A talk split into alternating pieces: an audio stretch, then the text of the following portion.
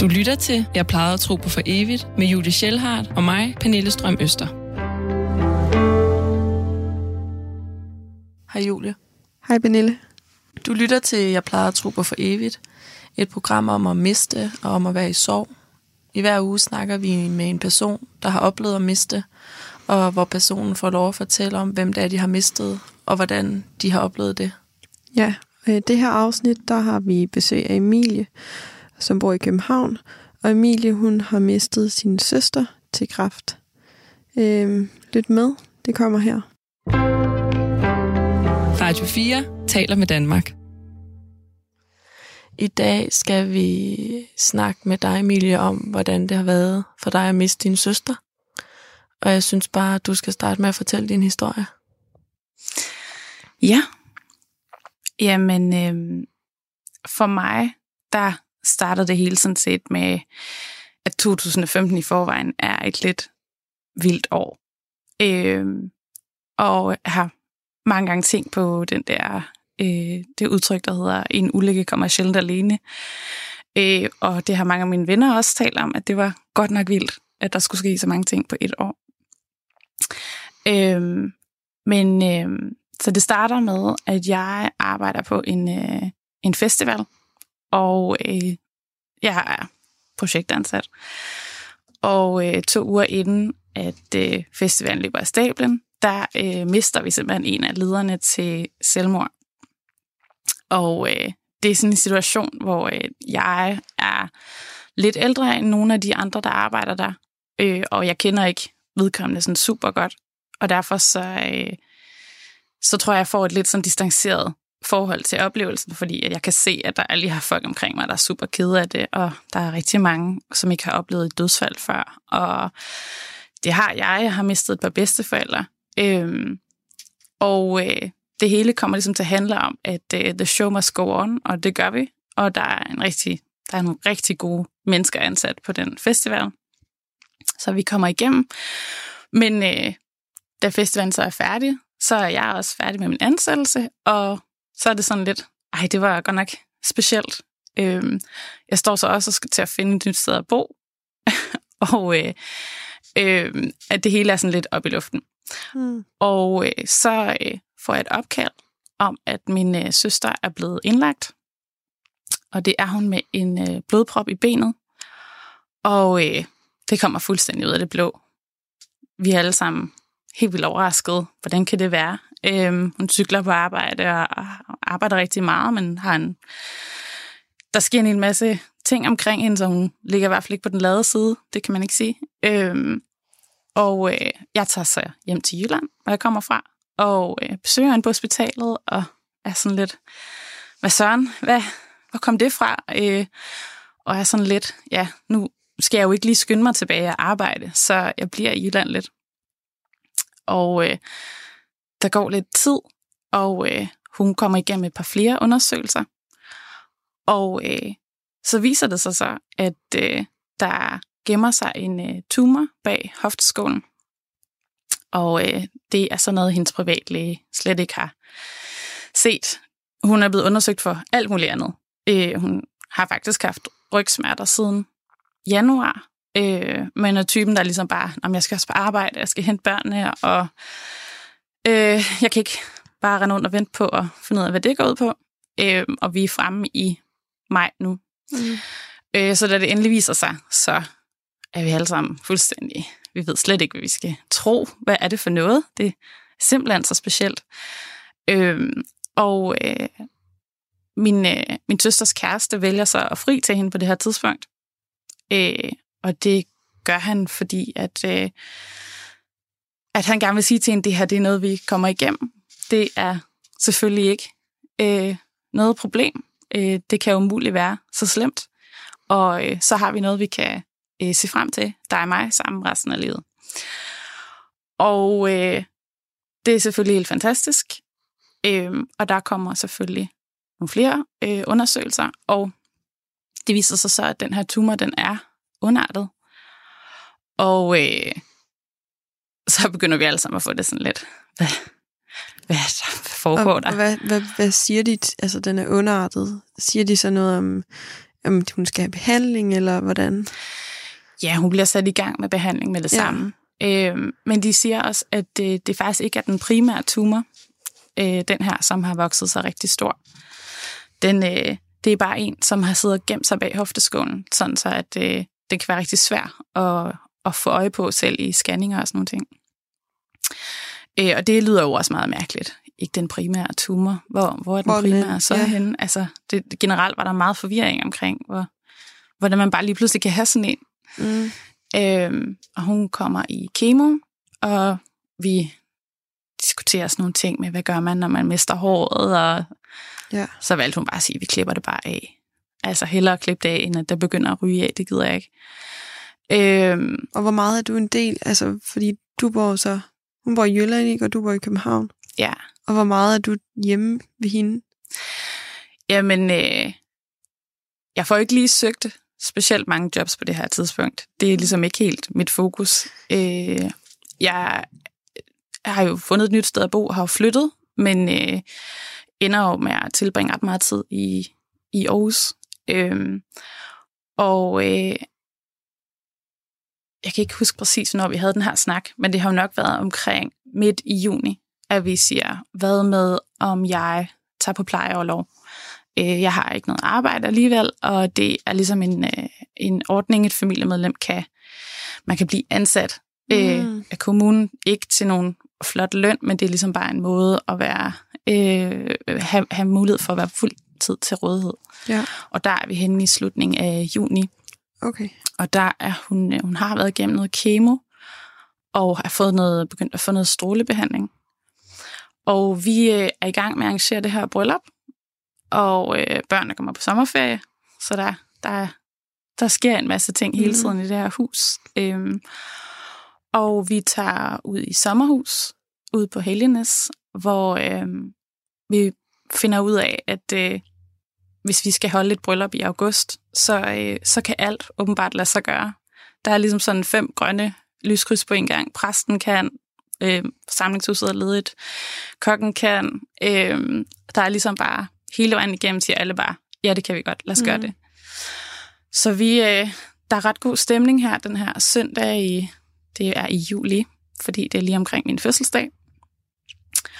Og så faktisk på min fødselsdag, der er vi ude i sommerhuset og skal have en rigtig dejlig dag, og så får min søster det rigtig dårligt.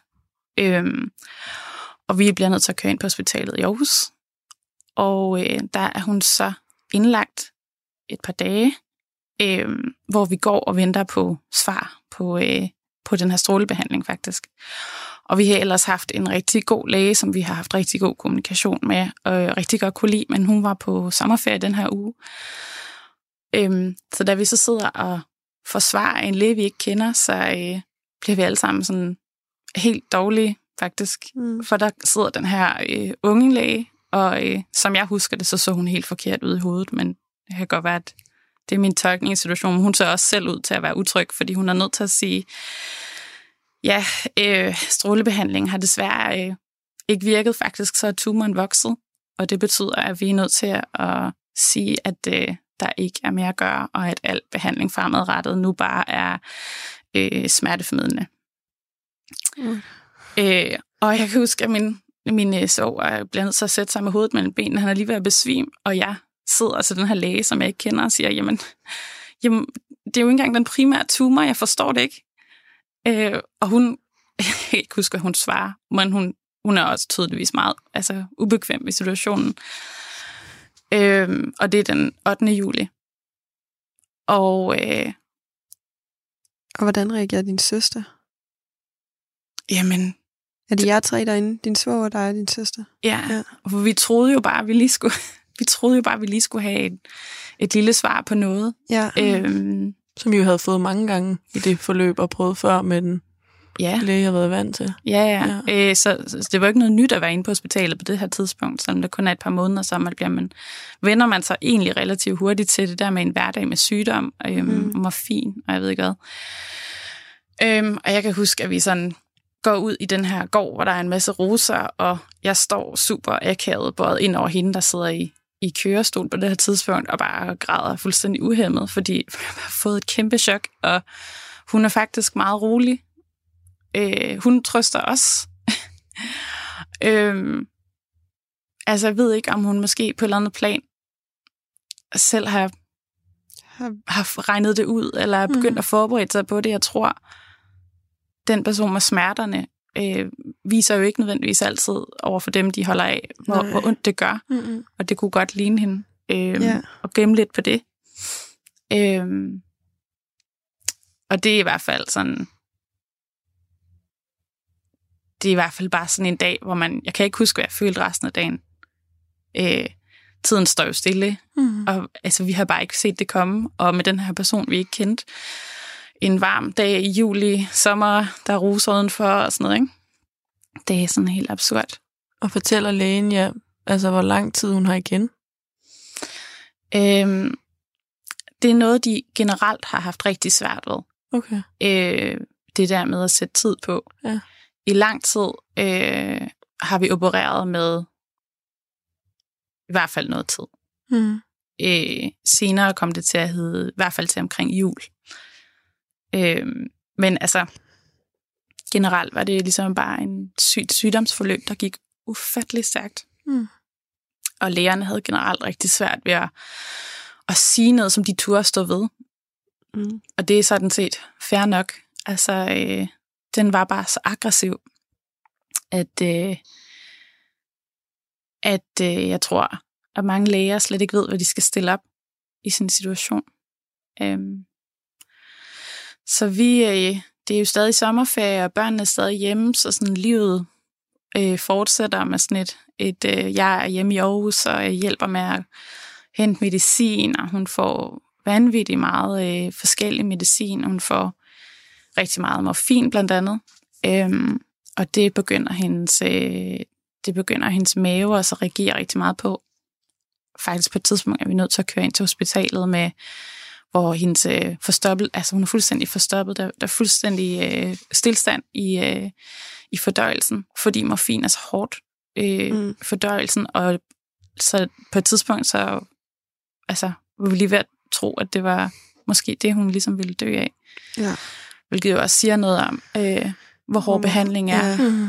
af en meget hård sygdom. Altså, Mhm. det, det er også øhm, grunden til, at vi, øh, vi prøvede nogle af de her sådan lidt mere alternative ting. Øhm, de her dråber, for eksempel, som man godt må købe. Øh, og puttet på mørk chokolade og sådan noget. Mm. Vi lavede sådan alle mulige ordninger, som får på alle mulige andre måder at gøre det lidt nemmere for hende. Ja. Og sådan var hun sådan set også meget god til at sige, at livet skulle ligesom ikke gå i stå, bare fordi hun havde smerter. Så vi har jo simpelthen kørt rundt og slæbt rundt på den der krykker og kørestol og sådan noget. For altså, der er jo gang i den, når man er omgivet med børn. Vi er ude se på heste, og jeg ved ikke hvad. Mm. Det er simpelthen, altså sådan, den danske sommer, der er faktisk mange aktiviteter, man kan lave som mm. familie. Og øhm, Fortsætter I med at arrangere brylluppet? Ja, det gør vi. Øhm, og vi sender invitationer ud. Og øh, datoen hedder den 8. august, tror jeg nok.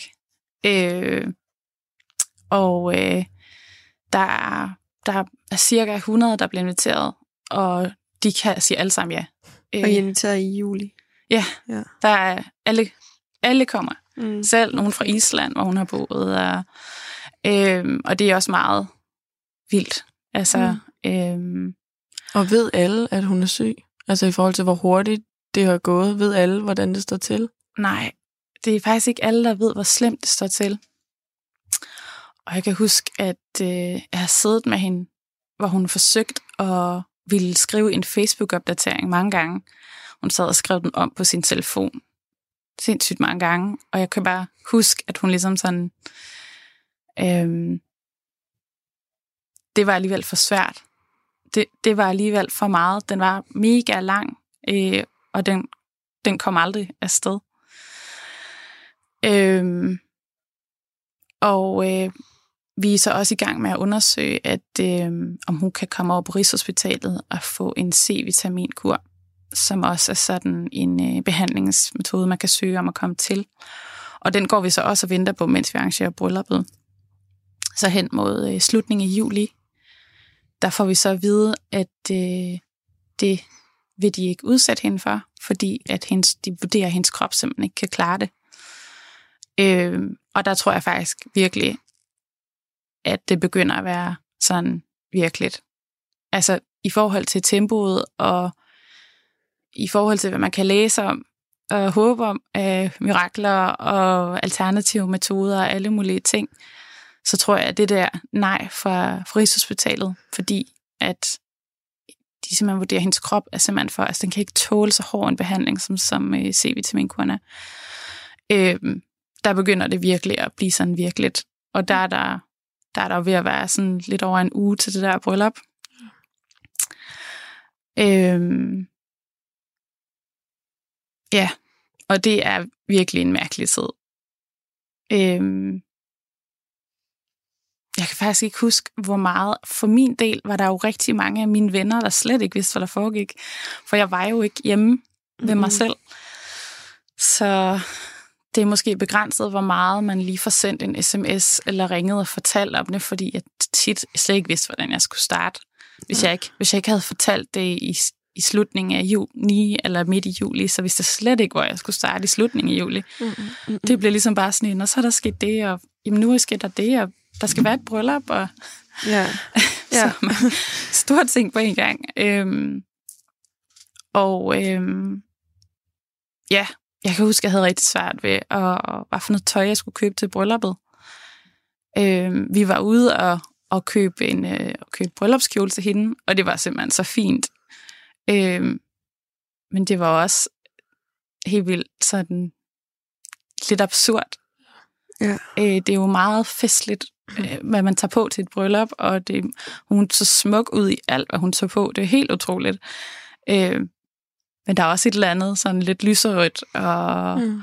og sådan satin og blondeagtigt over det, som var sådan lidt et modstykke til, til den her hverdag med øh, at hente medicin og sortere piller og Sikke en kontrast, altså. Det er jo helt vildt. Men altså, det er jo virkelig båret af hendes energi omkring det. Altså, øh, det var jo også noget at beskæftige sig med. Mm. Øhm, og det var også ret så fantastisk, den der beslutning om at, at gøre det, selvom at fremtiden ligesom var ret uvis. Øhm, der tror jeg faktisk, at vi alle sammen havde noget ud af at have det her mål at arbejde efter. Altså det var faktisk også en gave, selvom at det også var sådan lidt en, en absurd øh, eller kontrastfuld drøm på en eller anden måde. Mm. Øh, det tror jeg måske også var en gave, vi alle sammen gav os selv. Ja, Det skal mm. vi Mhm. bare, det her skal, det skal bare ske. fuldføre. Ja. Mm.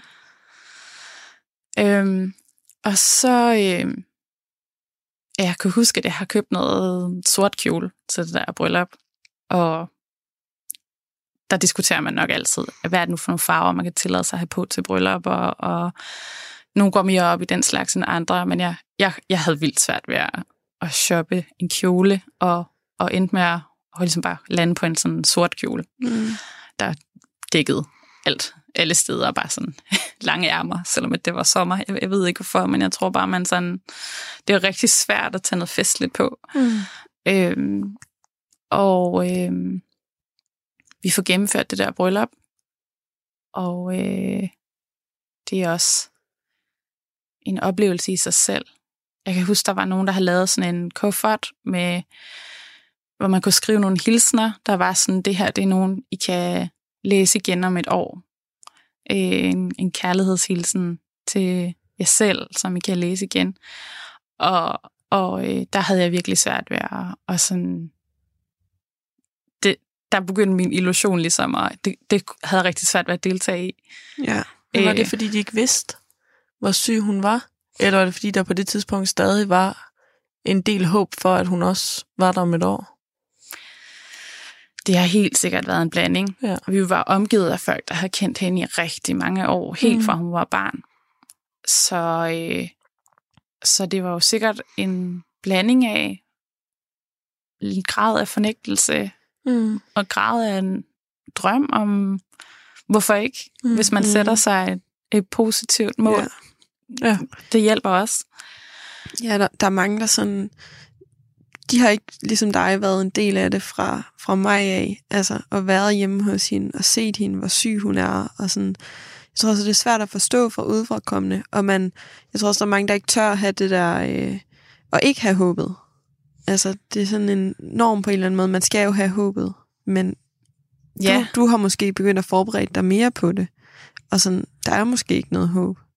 Jamen det, det er lige præcis det der med, at for os, så var det jo blevet en hverdag, mm. hvor man både levede med nogle meget realistiske øh, beskeder, hvor man fik en hel masse jordforbindelse. Og så øh, det her med stadigvæk at have en grund til at stå op, og faktisk også at have det godt sammen. Altså, altså gøre noget ud af livet, og øh, også tillade sig selv at tro på det bedste. Mm. Hvad nu hvis? Mm. Man ved aldrig. Det kunne jo være. Øhm, Ja. Men helt sikkert, at det der liv med at være til en masse møder med lægerne, hvor man også, nogle gange så sad vi jo tre øh, til stede, og bagefter havde vi alle tre fået en lille smule forskelligt ud af, hvad lægen nu havde sagt. Mm. Altså, mm. at, at øh, altså både af evne, men også af ønske, så kunne man simpelthen komme til at tolke utrolig forskelligt på, at lægerne i virkeligheden bare havde meget svært ved at vide, hvad de skulle sige, fordi at det netop bare gik stærkt. Og Ja. de selvfølgelig også har noget øh, patienthensyn faktisk at tænke på. Ja. Altså, der er, går alle mulige... Øh, jeg er også selvfølgelig ikke lægefaglig, men jeg ved jo også godt, at der er mange forskellige måder at pleje en patient på. Øhm, så på alle mulige måder, så øh, var vi meget i en verden, der var fyldt med mixede beskeder, følger. Mm. Ja. Men ikke nødvendigvis med dårlige intentioner. Bare, det var Mm. svært at forstå. Ja, så sådan en, en bryllups øh, gimmick er ikke, var ikke lige det. Nej, det var, det, jeg tror, det var, det var sådan for, det var, det var faktisk, det fik, for mig brød det illusionen, Mm. mere end at det hjalp mig at opbygge okay. den. Fordi jeg på en eller anden måde, sådan, på det tidspunkt, var det sådan et år, det er der ikke nogen, der har sagt noget om. Mm-mm. Mm. Øh, det, det, hed, det hed til jul på det her tidspunkt. Ja. Øhm, men det var stadig en dag, hvor der ikke var en sky på himlen. Øh, Okay. Og ja, altså, det er Så- helt utrolig øh, fantastisk øh, smuk dag. Altså. ja. Og hvordan oplevede din søster og svoger den dagen? Øhm, jamen, for min del, så tror jeg aldrig, har set min søster være så lykkelig. Mm. Øhm, hun strålede simpelthen. Øh, og det er jo også meget at sige, når man egentlig har været igennem et sådan sygdomsforløb, men hun så bare så smuk ud, og s- var bare et stort smil. Altså sådan, det var virkelig, det var virkelig det, hun drømte om allermest, tror jeg, det var at lande øh, sammen med min svoger i, i ja. Ja. det her med at sige ja til hinanden i kirken foran alle. Alle er til stede, hele familien, og Mm. øh, solen skinner, og alt, altså alt spiller. Ja. Det er en, en fejlfri dag. Mm. En, per, den- en perfekt dag. Som også bare må være så, ja, jo, som vi også snakker om, ekstremt kontrastfyldt, men også bare på en eller anden måde, altså når der ellers i hendes liv ikke har været nogen perfekte dage i lang tid, hvor der har været fyldt med alt det sygdom, og som jeg også siger, mixede beskeder og følelser, der er så svære at finde rundt i. Så her der er det den der kærlighed, der får lov at fylde. Samtidig med, at det er jo umuligt, altså, ja, kan have været helt uden kontraster, det også, tænker jeg, fordi det, det er jo netop til sådan en bryllup, plejer man jo at sige til hinanden, alt det der, man skal opleve forud, alt det, man skal gå i møde, ikke? Mm. Og så der står de og ved, at ja, at det skal de ikke. Ja, jeg synes faktisk, det var ret stort, at de kunne gennemføre det. Ja. Mm. Altså, det, der tænker jeg, at de har, de har talt med hinanden. Mm. De, har, de har aftalt, at det her, det gør vi. Øhm, også for alle andres skyld. Det var Mm. mm. også en gave til alle os andre. Øh, til børnene. Og, Ja. øhm, Og hvad sker der så efter brylluppet? Og, og indtil hun dør? altså, der sker det, at vi afbryder plejeoverloven. Mm. Fordi nu er der ligesom sådan, den her store praktiske ting er ligesom overstået. Øhm, og lægerne siger jo ligesom, at hun kommer til at, og det er i hvert fald frem til jul. Og jeg har ligesom det her liv i København, jeg hellere må hjem og se lidt på, øh, mm. gør noget ved. Og jeg skal i virksomhedspraktik. Hvilket også er lidt absurd, når man tænker mm. tilbage på det, men jeg tror bare, man sådan, man gør, hvad man skal, og det er en fod foran den anden, og mm. livet skal fortsætte. Altså, man, når, man, når, man, når en, sygdag bliver hver, en sygdom bliver hverdag, så, så bliver det også lige pludselig sådan lidt, øh, så traver man bare. Altså, mm. det, det, det skal man leve med. Mm. Øhm, og i stedet for en øh, bryllupsrejse, så vælger de, og de ville rigtig gerne have været i Disneyland i Paris, men øh, det er ikke muligt for min søster at rejse, så de tager i øh, øh, Legoland i Bilund, øh, også for børnenes skyld, og har sådan lidt en dag ud af det. Øh, og inviterer så mig med, fordi jeg ligesom kan hjælpe lidt med børn og så videre. Ja. Øh, og, øh, og der, der kan man godt ligesom mærke, at hun sådan ikke har det så godt. Øh, den her sådan lidt festlige rejse, den, den sådan, den, det er lidt svært for hende at komme ud og være med til aktiviteterne, mm. og øhm, faktisk så om søndagen, der får hun det så dårligt, at vi er nødt til at ringe efter en ambulance, som så kan komme og hente hende og køre hende på sygehuset. Øh, og det har noget at gøre med, øh, at børnene skal hjem øh, og afsættes, inden vi alle sammen kan tage på hospitalet, eller så kunne vi måske alle sammen have kørt. Men øh, mm. hun, hun har det rigtig skidt. Mm. Så jeg kører med i ambulancen øh, til Aarhus, og jeg kan huske, at hun, sådan, hun ser ikke, hun har ikke så god en farve i huden, og hun sveder rigtig meget. Og hun har igen rigtig, rigtig ondt i maven. Øh, det her morfin, som er bare så hårdt ved hendes, øh, hendes krop. Øh, og vi kører hjem til hospitalet i Aarhus og får hende indlagt, og jeg bliver så til om mandagen, Øhm, og lige sådan at være sikker på, at alting er okay. Og øhm, igen, der er de sådan, okay, det var en forværing, men øh, der er jo nok tale om øh, et par måneder i hvert fald. Og hvad, hvad måned er det i? Det er stadigvæk august. Det er stadig august, okay. Så øh, det er nok hen ved slutningen af august. Ja. Så, øh, så jeg tager tilbage og skal i den her virksomhedspraktik. Mm. Jeg vil sige, at de var rigtig, rigtig søde og ordentlige og forstående. Øhm, men så allerede om onsdagen får at vide, at hun ikke har det så godt. Og om torsdagen ringer min svoger og siger, du skal komme nu. Det er nu, du skal komme. Så jeg sidder på det her kontor og siger, jeg bliver nødt til at gå nu og øh, skynder mig hjem og henter min computer. Det er på en eller anden måde en eller anden grund helt vildt vigtigt. Det er men det, den skulle bare med. Og møder en gammel studiekammerat øh, på øh, Østerport station, hvor jeg skal med. Øh, og kan slet ikke finde ud af at føre en samtale. Øh, hun skrev også til mig efterfølgende sådan, ej, hvor er det sindssygt, det var det, du skulle. Jeg, jeg forstod ingenting, og jeg har bare været sådan, ja, hej, jeg, jeg skal lige med toget, så. Ja. Øhm, og jeg tager så, øh, tager så med toget hjem til Aarhus, og, øh, og der, øh, der har der så lige været en, en masse veninder forbi og have sådan en, en farvel-session, øh, fordi nu, øh, nu, nu er det ligesom ved at være, være sidste, sidste udkald på en eller anden måde.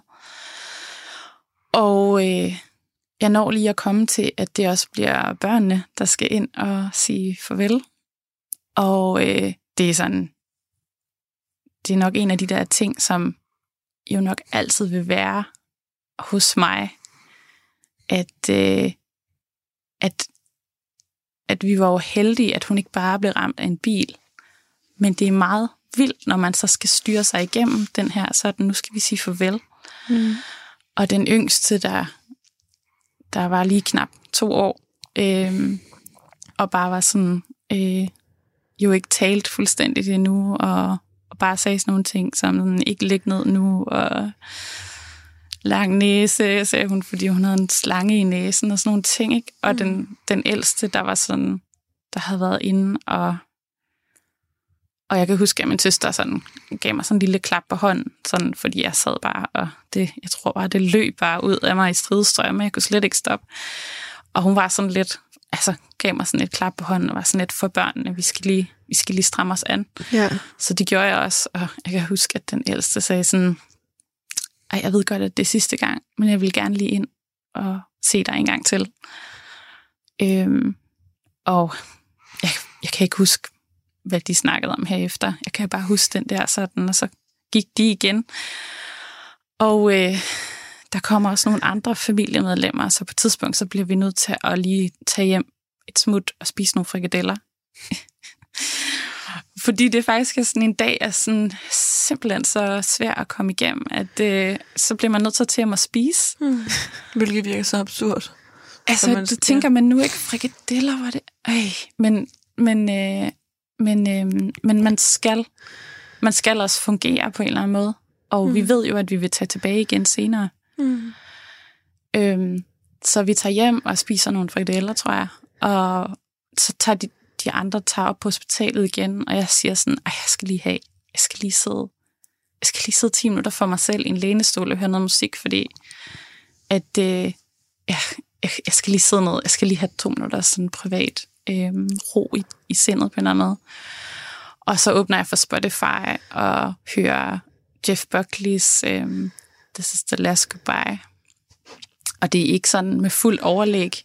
Jeg, kan ikke, jeg tror ikke, jeg har lagt den klar på en spilleliste. Det er ligesom bare lige det, der var.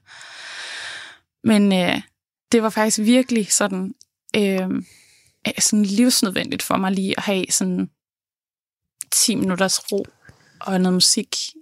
Og lige sådan, okay, nu skal jeg op igen, ikke?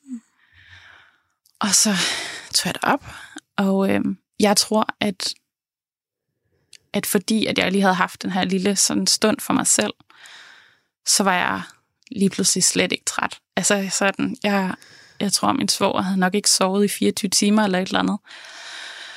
Øhm, så han var der, øhm, og jeg var der, og hun lå og øhm, reagerede sådan set ikke rigtig mere. Hun lå med den her sådan meget...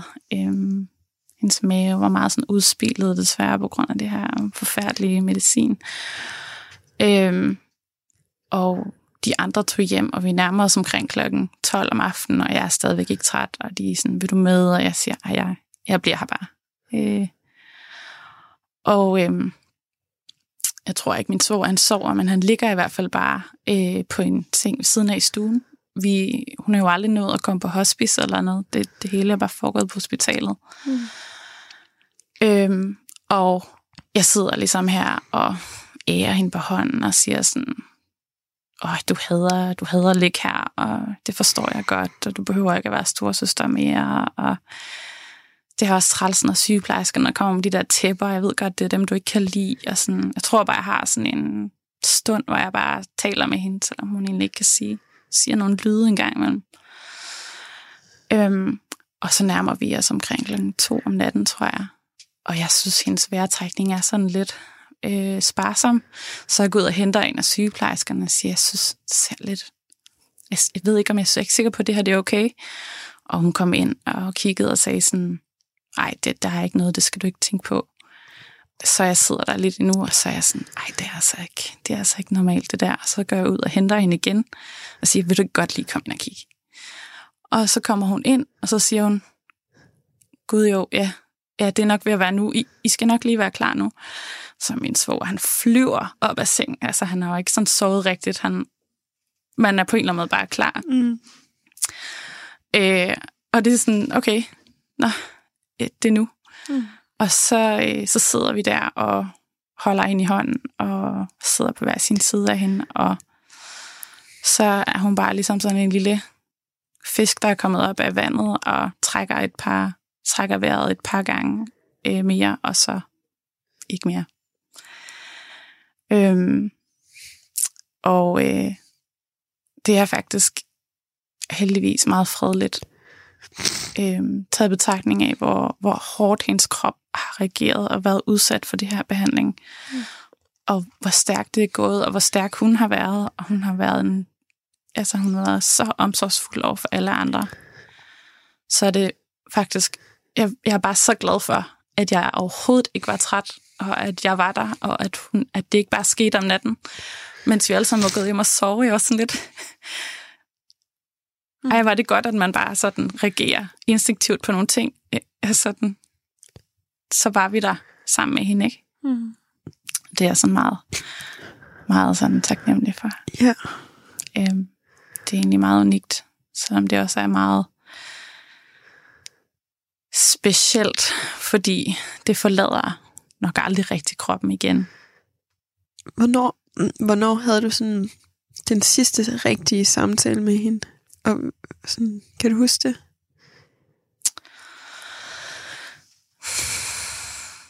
Det kan jeg faktisk ikke lige nu. Øhm, fordi jeg jo faktisk desværre var taget tilbage til København, Mm. og derfor så de her dage op til, hvor hun faktisk var begyndt at gå lidt ind og ud af bevidsthed, øh, der havde jeg jo desværre ikke været der. Øhm, men jeg havde sådan, jeg havde sådan en, øh, en følelse af, at jeg havde en samtale med hende, der jeg sad der til sidst, og sagde sådan, det er okay. Og så synes jeg, hun svarede mig med en lyd, hver gang jeg sagde noget. det lyder lidt absurd, men jeg følte virkelig, at vi havde den her samtale om, at, sådan, at det, det var okay, hun må godt give slip nu, og at Du passede på hende der ved siden af. Lød det til, at det som du sagde med, at hun skulle ikke være store søster med, og sådan, ja, du var hos hende. Ja, altså, jeg, det er sådan, der ryger sådan bare nogle instinktive ting mm. ud af en, for man ved faktisk ikke, hvordan man skal tale til en person, som ikke er bevidst. Mm-hmm. Det er sådan en, det føles måske sådan en lille smule falsk eller sådan noget, men så mm. synes jeg, følte jeg bare, hun svarede mig på en eller anden måde, så var vi sådan enige om, at hun havde i forvejen synes, at det var så irriterende at ligge på hospitalet. Hun ville meget hellere styre det hele selv, ikke? Ja. Og det der med sådan, at ligesom sige, du har, altså, du har virkelig gjort alt, hvad du kunne, og Mm. det ser vi, at det er okay, og øhm, det er sådan en stund, jeg er meget glad for at have delt med hende, men det er selvfølgelig ikke en samtale som sådan. Nej, men det bestemmer man jo selv, om det er. Men på en måde er det jo en samtale, tænker jeg. Ja, det, Det synes jeg, det lyder som. Det er i hvert fald en kommunikation mellem to mennesker. Men det er sjovt, for vi havde faktisk, jeg havde sådan en situation med hende, da vi var nede der i Bilund, øh, hvor det føles lidt som om, at hun måske ville prøve at snakke med mig om noget og sådan noget, og, og det kunne hun bare ikke, og jeg kunne heller ikke, så var vi med at sidde og snakke om, men om det er da et god mad, eller sådan noget. Altså jeg tror, vi sådan, måske begge to nægtede at have sådan en, En sidste Nå. samtale. Mm. Ja. det var, det var sådan umuligt at afslutte sådan et øh, søsterforhold.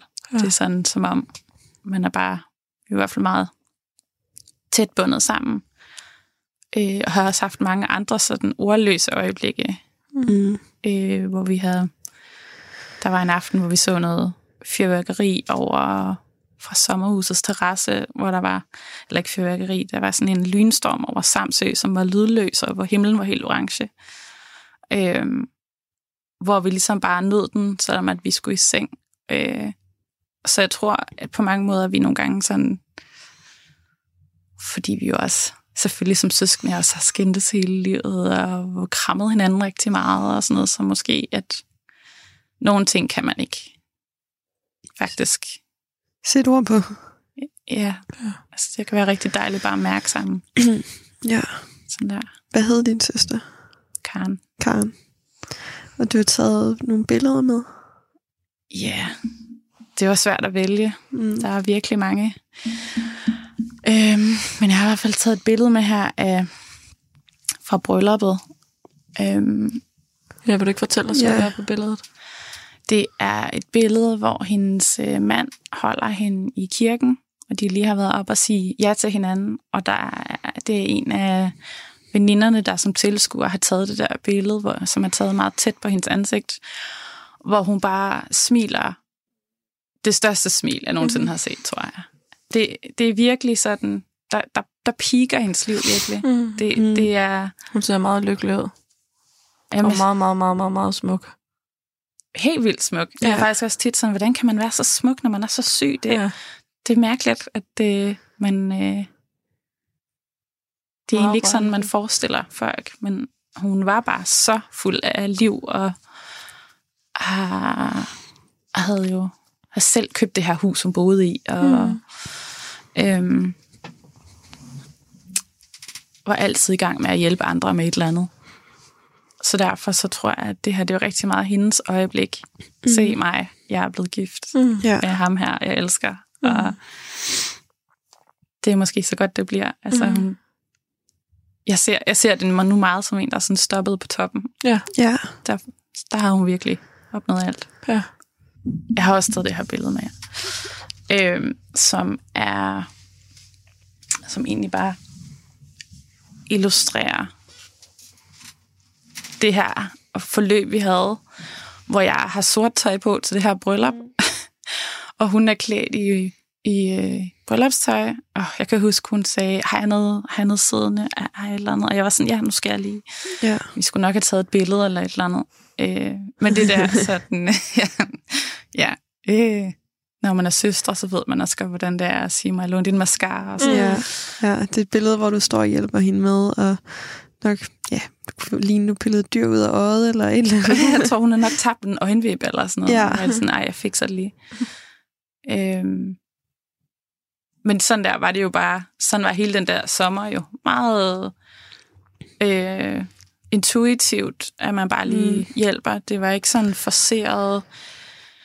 Øh, det var heller ikke besværligt som sådan, at jeg skulle være på plejeoverlov. Det var selvfølgelig rigtig hårdt, men, men lige da hun spurgte, der var det det mest naturlige i hele verden. Jeg var sådan, ja, det var da en god idé. Ja, lad os sige det. Det var hende, der spurgte dig. Øh, ja, hun foreslog det. Og det er så fordi, at hendes forlovede øh, havde mulighed for at også være der rigtig meget, fordi han øh, pendler. Mm. Og derfor så ville det selvfølgelig også måske have været ham, hun havde spurgt. Men ja. han havde mulighed for øh, en gang imellem at være der rigtig meget, så ellers så skulle køre rundt og arbejde andre Mm. steder. Og der havde jeg jo så mulighed for at være der, når han ikke var der, for eksempel. Ja, men det lyder også til, at jeg har haft nogle virkelig gode stunder i den sommer, ikke? Selvom det har været så kontrastfyldt. Jo, altså... Nogle gange så tænker jeg på, altså, hvad, hvad gik tiden med? Mm. Det er sådan, en måned kan gå rigtig hurtigt og rigtig langsomt. Ja. Og øh, det var jo bare rigtig meget med altså at få det palliative øh, team på besøg, og så kom der en psykolog, og så skulle der hentes noget medicin, og så var der Mm. skulle laves mad til børnene, og, og midt i alt det, så øh, var det strålende sommervejr, og øhm, jeg tror, at jeg nød også rigtig meget at bare være rigtig meget sammen med hende. Jeg har jo boet i Mm. København i lang tid, øh, taget, begyndt at studere herover og så blev det ligesom bare til her, jeg boede. Og, og der var et eller andet med, så at hun har også var boet rigtig meget i udlandet. Og faktisk så var det meget helende at have muligheden for at være sammen. Øh, også bare for sådan søskendeskab. Der var et eller andet med familietid, som, som var helt vildt vigtig. Øh, Ja. Hvordan var hun som søster? Altså, hun var bare rigtig meget sådan stor, stor søster. Der er de der fem års øh, øh, forskel. Øh, øh, hun var også øh, bare sådan super handlekraftig og meget kreativ. Det er jeg sådan set også. Øh, og meget sådan æstetisk anlagt, og det er jeg også. Så på en eller anden måde, så var hun også en person, jeg delte en masse af de sider med. Øhm, men vi har da også, øh, vi har da også øh, skubbet til hinanden, tror jeg. Jeg tror faktisk også, vi har filet hinanden rigtig meget til. Mm. Fordi vi begge to er super følsomme, og derfor kan man også godt være super temperamentsfuld, især over for sin søskende. Især hvis hun er søster. Ja. Mm. Øhm, men øh, på den måde har vi også øh, haft meget intuitiv øh, evne til at hjælpe hinanden øh, på forskellige måder som især det der med, når man skulle være der for hinanden, var det mest naturlige i verden. Mm.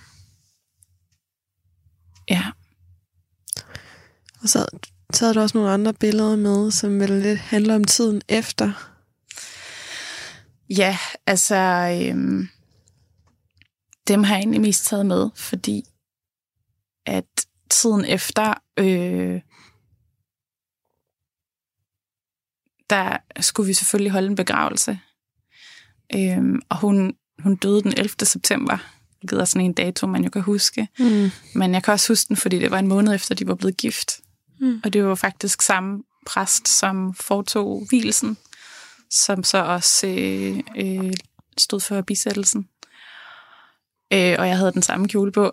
Mm. for sådan en der, der når man Mm. måske, måske ikke havde vidst, at man har, altså er begyndt at sørge allerede. Så det er meget svært at forklare. Øhm, men, øh, og efter det, så havde jeg ligesom en masse ting, jeg skulle finde ud af med arbejde og den der bolig, som jeg slet ikke skulle bo i. Jeg skulle, skulle bo et helt andet sted. Det hele var ligesom sådan, nu skal der ske noget andet. Øhm, og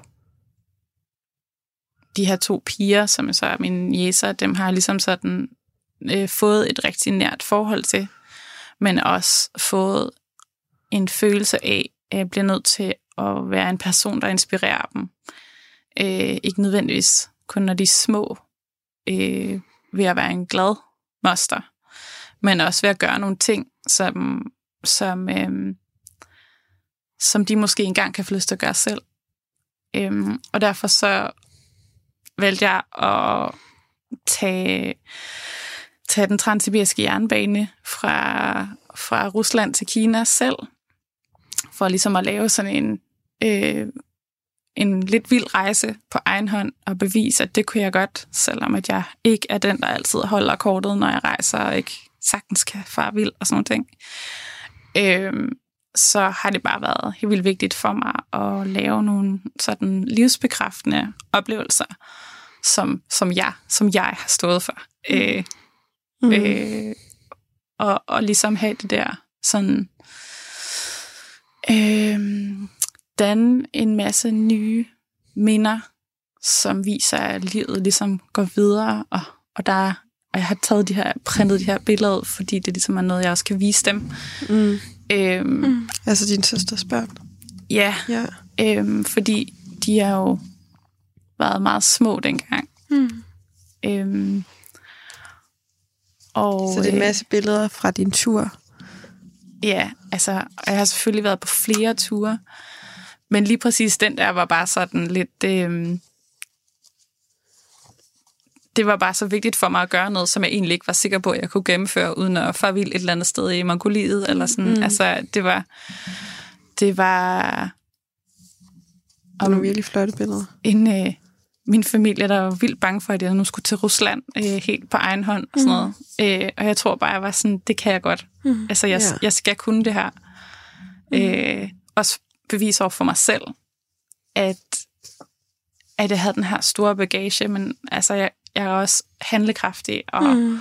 Øh, jeg kan se fremad, og jeg mm. kan også, det kan også have en selvstærkende effekt, at man Mm.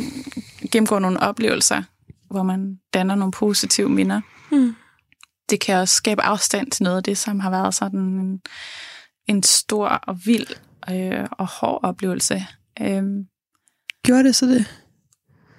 øh, ja, det gjorde det bestemt. Altså, det, det var faktisk meget terapeutisk. Mm. Øh, også fordi man kører igennem en hel masse tidszoner, så man mister tidsfornemmelsen, og lyset ændrer sig hver anden time og sådan noget. Øhm, øh, men det handlede lige så meget om selvfølgelig, at så mødte man nogle mennesker undervejs, og de der øh, møder, man har med folk, når man rejser alene, de kan faktisk være helt fantastiske. Mm. Øh, Ja, det er ret anderledes, end hvis du rejser sammen med andre.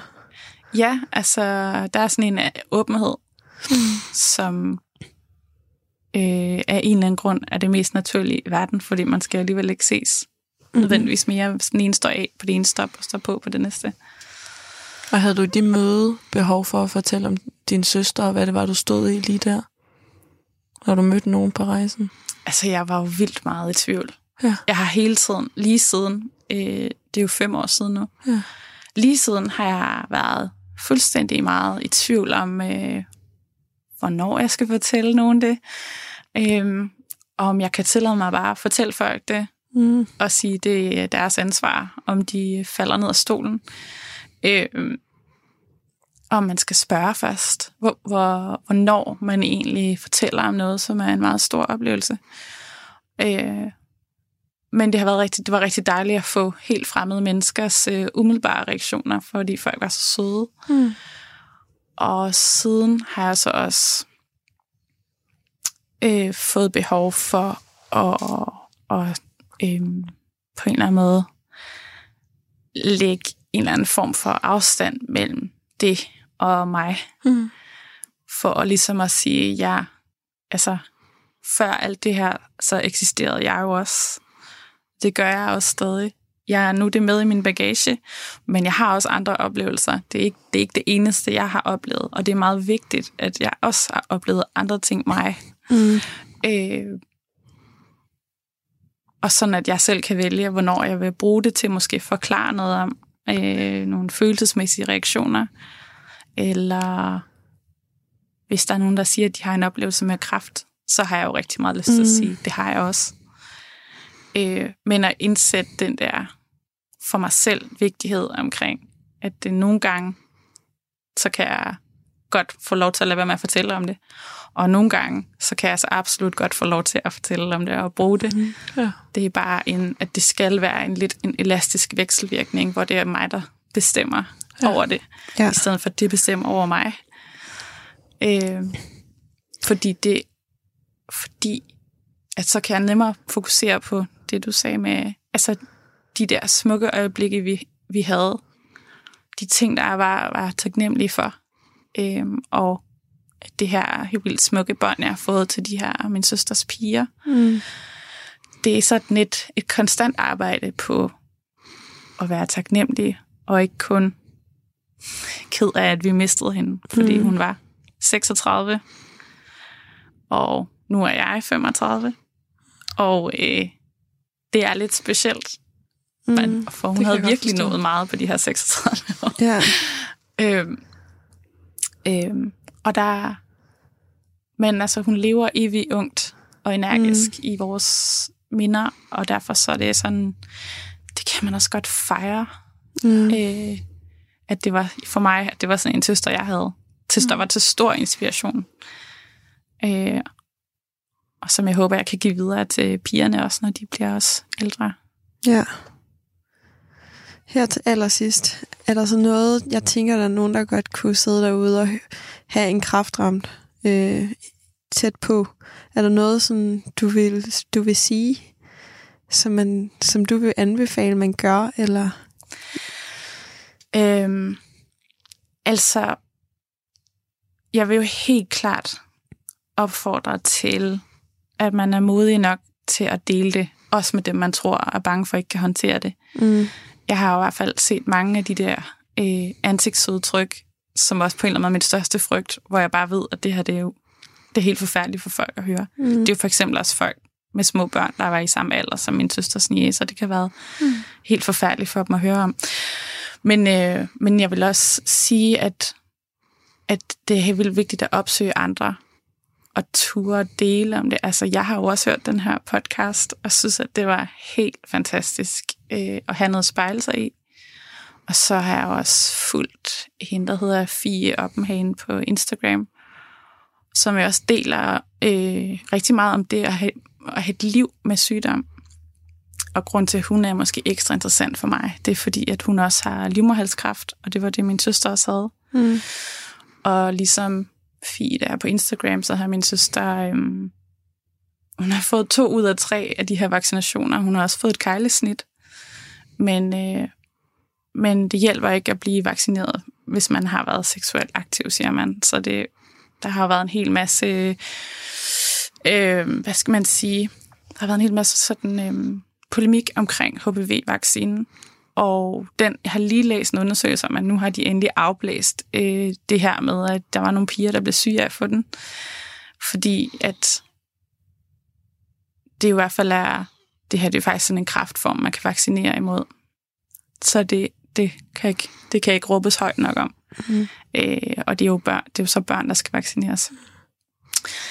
Men jeg vil, det, det er jo så sådan måske lidt en, en sidebemærkning, men jeg vil i hvert fald bare sige, at man ikke skal skamme sig over at snakke om det, og det er rigtig vigtigt at acceptere det som en del af ens livsoplevelser, øh, og, og tage det ind og leve med det, men ikke lade det styre øh, livet, Mm. og så også, øh, at det er okay at have gode dage og dårlige dage. Tusind tak, Emil, fordi du ville fortælle om din, din søster. Det var Det- meget, øh, meget rørende, synes jeg. Ja, det har været rigtig dejligt at snakke med dig. Ja. Tak fordi du delte. Selv tak. Programmet er produceret for Radio 4 af Lyd og Co. i samarbejde med Landsforeningen Liv og Død.